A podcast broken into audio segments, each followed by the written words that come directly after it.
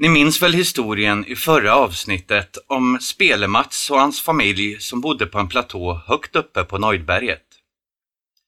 Och minns ni också att jag lovade att berätta om varifrån Nöjdberget fått sitt namn, men att jag skulle göra det en annan gång?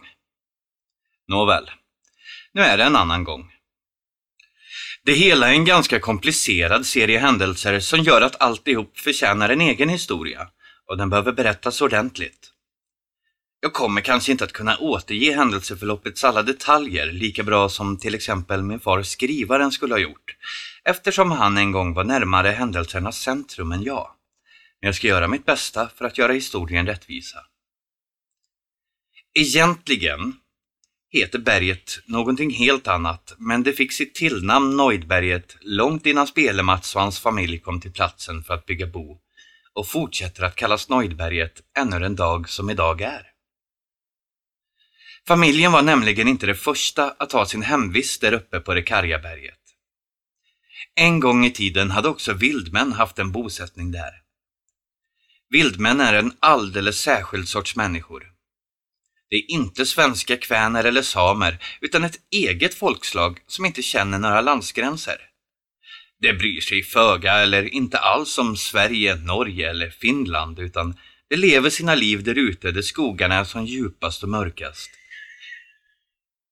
vilket alltså betyder företrädesvis norrut där marken ännu inte är så exploaterad. Vildmän lever ofta ensamma eller i par, inte i grupper. På den tiden som detta utspelade sig var det ännu ganska många och ett välkänt problem för de som levde i närheten av dem. Numera är det inte många alls kvar. De är stora, starka och de flesta av dem har ett förfärligt humör som ofta gör sig påmint även om de för det mesta håller sig utom synhåll och för sig själva utan att störa någon. Men ibland håller de sig nära oss andra också. Särskilt i tider av nöd och onåd. Då händer det sig att de ger sig på boskap och förråd för att klara livhanken. Då är de inte skygga utan kommer bara fram till gårdarna och hämtar det de behöver. Och det är då det blir problem. Vildmän slåss gärna och de är så grymma och blodtörstiga att många av de äldre är helt övertygade om att dessa vildmän är ättlingar till forntidens vikingar. Att det finns vikingar kvar som fortfarande lever så som vikingar gjorde. Det finns också de som har gjort andra kopplingar, till exempel till Nordamerikas Bigfoot. Kanske är det så att Bigfoot inte riktigt är det folk tror, utan helt enkelt vildmän. Hur det än är med den saken så bråkar man inte med vildmän. Det är ingen idé att ens försöka. Man förlorar bara och det blir en dyr förlust, för vildmän har inga skrupler och det struntar totalt i vår moral och etik. De har sina egna rättesnören som man måste respektera. Det går inte att tala sig ur en situation med vildmän och det går inte att vinna en strid mot dem. De är för starka för det och de bryr sig inte om vad du säger. Språket de talar är ålderdomligt och en blandning av främmande ljud och ord från ett flertal olika språk, men det verkar inte ha svårt att förstå andra i traktens förekommande språk och dialekter. Det antas allmänt att det är flerspråkiga, för det är sällan eller aldrig helt omöjligt att kommunicera med dem. Det beror alltså inte på att de inte förstår vad du säger när du försöker lösa en konflikt med dem, utan de struntar helt enkelt i dig. I ett sådant läge kan du lika gärna prata en flock skenande renar till rätta. Ja, eller en snöstorm. Det bästa är att inte hamna i en konflikt med dem överhuvudtaget.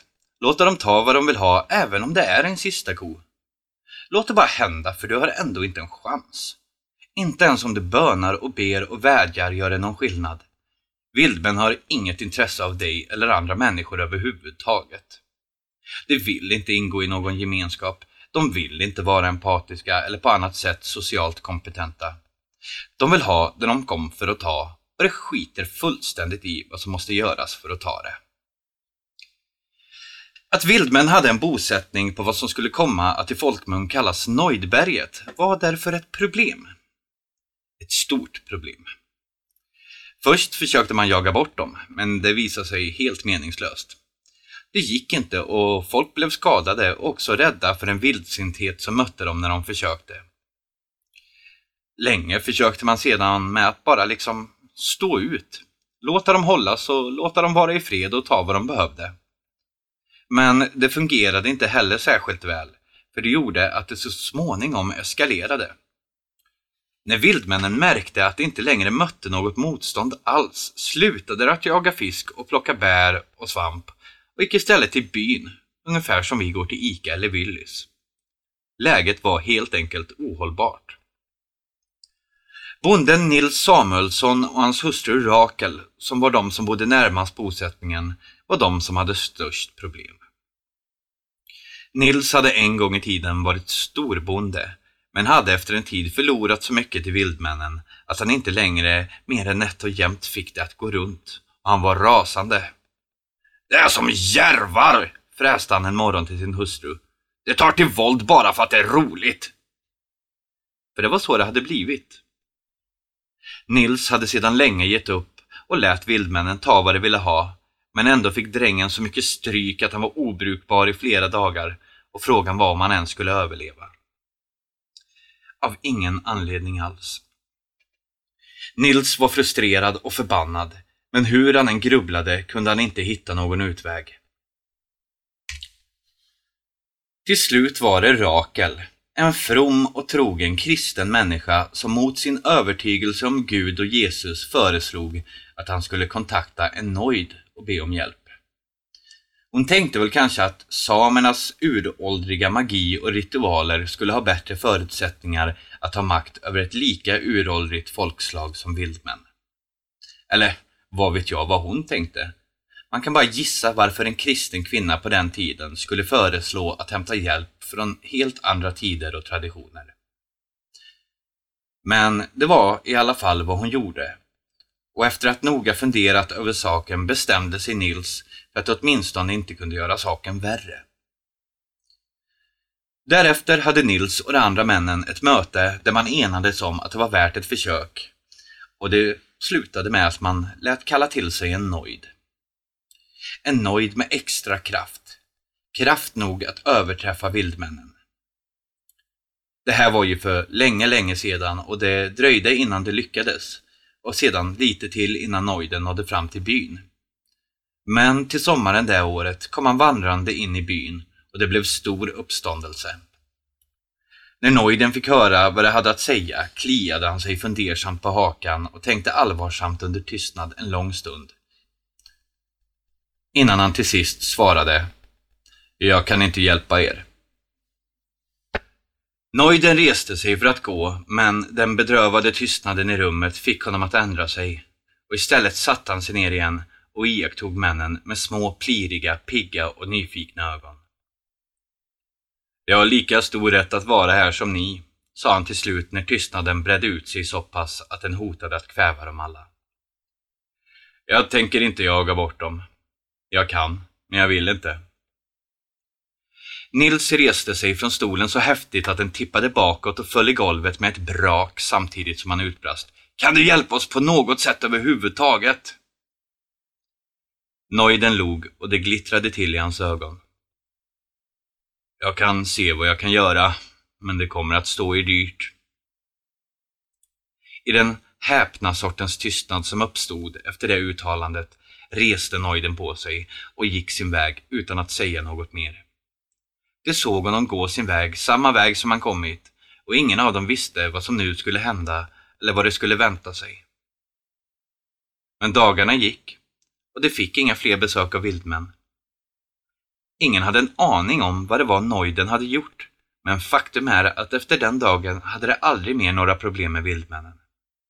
De visste inte ens om det var kvar där borta på Nojdberget eller om det dragit vidare. Och ingen vågade gå och se efter, för ingen vill så att säga väcka en björn som sover. Allt var åter frid och fröjd. Varför äventyra en sådan frid, tänkte man väl. Det skulle ta lång tid innan någon såg till Nojden igen och man glömde nästan bort vad han sagt. Inte förrän långt senare skulle man förstå vad han egentligen menat med sina ord. En sen och mörk höstkväll var Rakel ensam hemma. Nils var borta på jobb och hon hade inte sett till honom på ett par dagar. Rakel var van vid det och tyckte inte att det gjorde så mycket. Men den här kvällen var det något speciellt med det. Det kände hon tydligt. Det luktade fara i luften och hon kom inte till ro fast hon slitit hårt hela dagen och barnen äntligen somnat.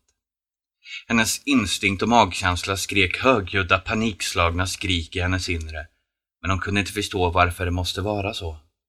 Det fanns ingen anledning till det, sa hon till sig själv medan hon la ett vedträ till på elden för att få upp värmen till de långa nattliga timmar som nu väntade. Hon torkade av händerna på förklädet och gick fram till fönstret för att titta ut i mörkret. Det brukade lugna henne. Det enda som hördes var knastret från elden och vinden som tjöt där ute. Det hade börjat regna också såg hon. Regnet piskade ner och nu kunde hon höra hur det slog hårt mot taket med jämna mellanrum och när stormen tog i. Plötsligt såg hon att det rörde sig i skogen bortåt berget till. Någon var på väg mot henne, men hon kunde först inte se vem det var. Det kunde inte vara Nils, tänkte hon och ansträngde sig för att se bättre genom regnridån som täckte fönstret. Han skulle inte komma från det hållet. Hon knep ihop ögonen och kisade sedan ännu en gång bort mot berget. Och nu såg hon. Det var ju Neuden som kom stretande genom vinden och rakt mot henne och han såg inte ut att ha haft en särskilt trevlig promenad ner från berget. Rakel skyndade sig att få varmvatten på spisen för att kunna bjuda på något att äta och bara en kort stund senare knackade det på dörren. Neuden sörplade i sig den varma gröten och smackade belåtet efteråt. Nå, så har vi betalningen, sa han när han var mätt och varm. Det behövs verkligen inte, svarade Rakel aningen förnärmad. Vi tar inte betalt för att hjälpa en behövande. Noiden skrattade till och det glimmade hotfullt i hans mörka ögon. Nej du kärring, så lätt ska du inte komma undan. Jag vill ha betalt för vad jag gjorde för er, för det här med vildmännen. Det måste du tala med Nils om, svarade Rakel och kände hur hon bleknade. Att säga emot en Noid var inte bra. Jag kan inte ge dig något, för jag har inget. Noiden reste på sig och gick tätt, tätt intill Rakel, så nära att deras nästippar nästan snuddade vid varandra, samtidigt som han stirrade på henne utan att blinka. Jag ska ha det som tillkommer mig, röt han slutligen. Han stod där, rakt upp och ner med armarna efter sidorna och knutna nävar och skrek henne rakt i ansiktet så att saliven stänkte och Rakel blev rädd. På något sätt gav rädslan henne kraft att putta nojden framför sig den korta biten fram till dörren. Hon fick upp den och hivade ut honom i höstmörkret så snabbt och oväntat att han inte hann med att kämpa emot. Hon stängde och låste dörren så fort hon kunde och undrade vad hon egentligen gjort. Hon var lite stolt över sig själv, över att hon fredat sig, men också hemskt rädd för vad det kunde få för följder. Man förolämpar inte en nöjd ostraffat, det visste hon ju. Kanske skulle en bön skydda henne från faror, tänkte hon och började snabbt rabbla. Fader vår som är i himmelen, helga vare ditt namn, tillkommer ditt rike. Här blev hon avbruten av en kraftfull stämma från andra sidan ytterdörren. Han var kvar där ute, Neuden. Hon kunde höra honom tala och tala där utanför, men hon förstod inte vad han sa. Om och om igen upprepade han samma ord och hon förstod fortfarande inte. Efter en stund ändrades orden och Neuden började slå på sin trumma med lätta, taktfasta slag och då förstod hon. Han läste någon slags ramsa över henne. Långsamt backade hon bakåt och bort från dörren. Hon visste inte vad hon skulle göra. Och det bara fortsatte och fortsatte. Han slutade inte, utan orden och trummandet bara upprepades om och om igen tills hon var alldeles yr och blev tvungen att sätta sig ner. Timme efter timme stod han där ute i stormen och trummade fram sin ramsa och Rakel blev mer och mer påverkad av de uråldriga orden. När det började ljusna morgonen därpå kom Nils hem och fann att huset stod i lågor. De större barnen var i full färd med att släcka elden och när han frågade efter Rakel fick han veta att Noiden släpat henne med sig upp på berget. Rakel var borta.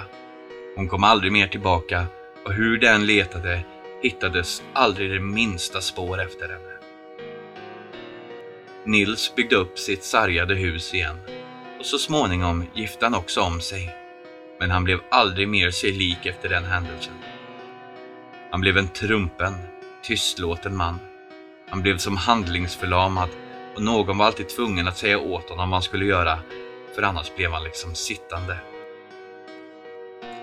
En tid därefter hände det då och då att Neuden kom ner från berget för att kräva in betalning för tjänsten han gjort byborna. Men det spelade ingen roll vad det gav honom. Han blev aldrig nöjd och det slutade alltid med olycka och tragedi.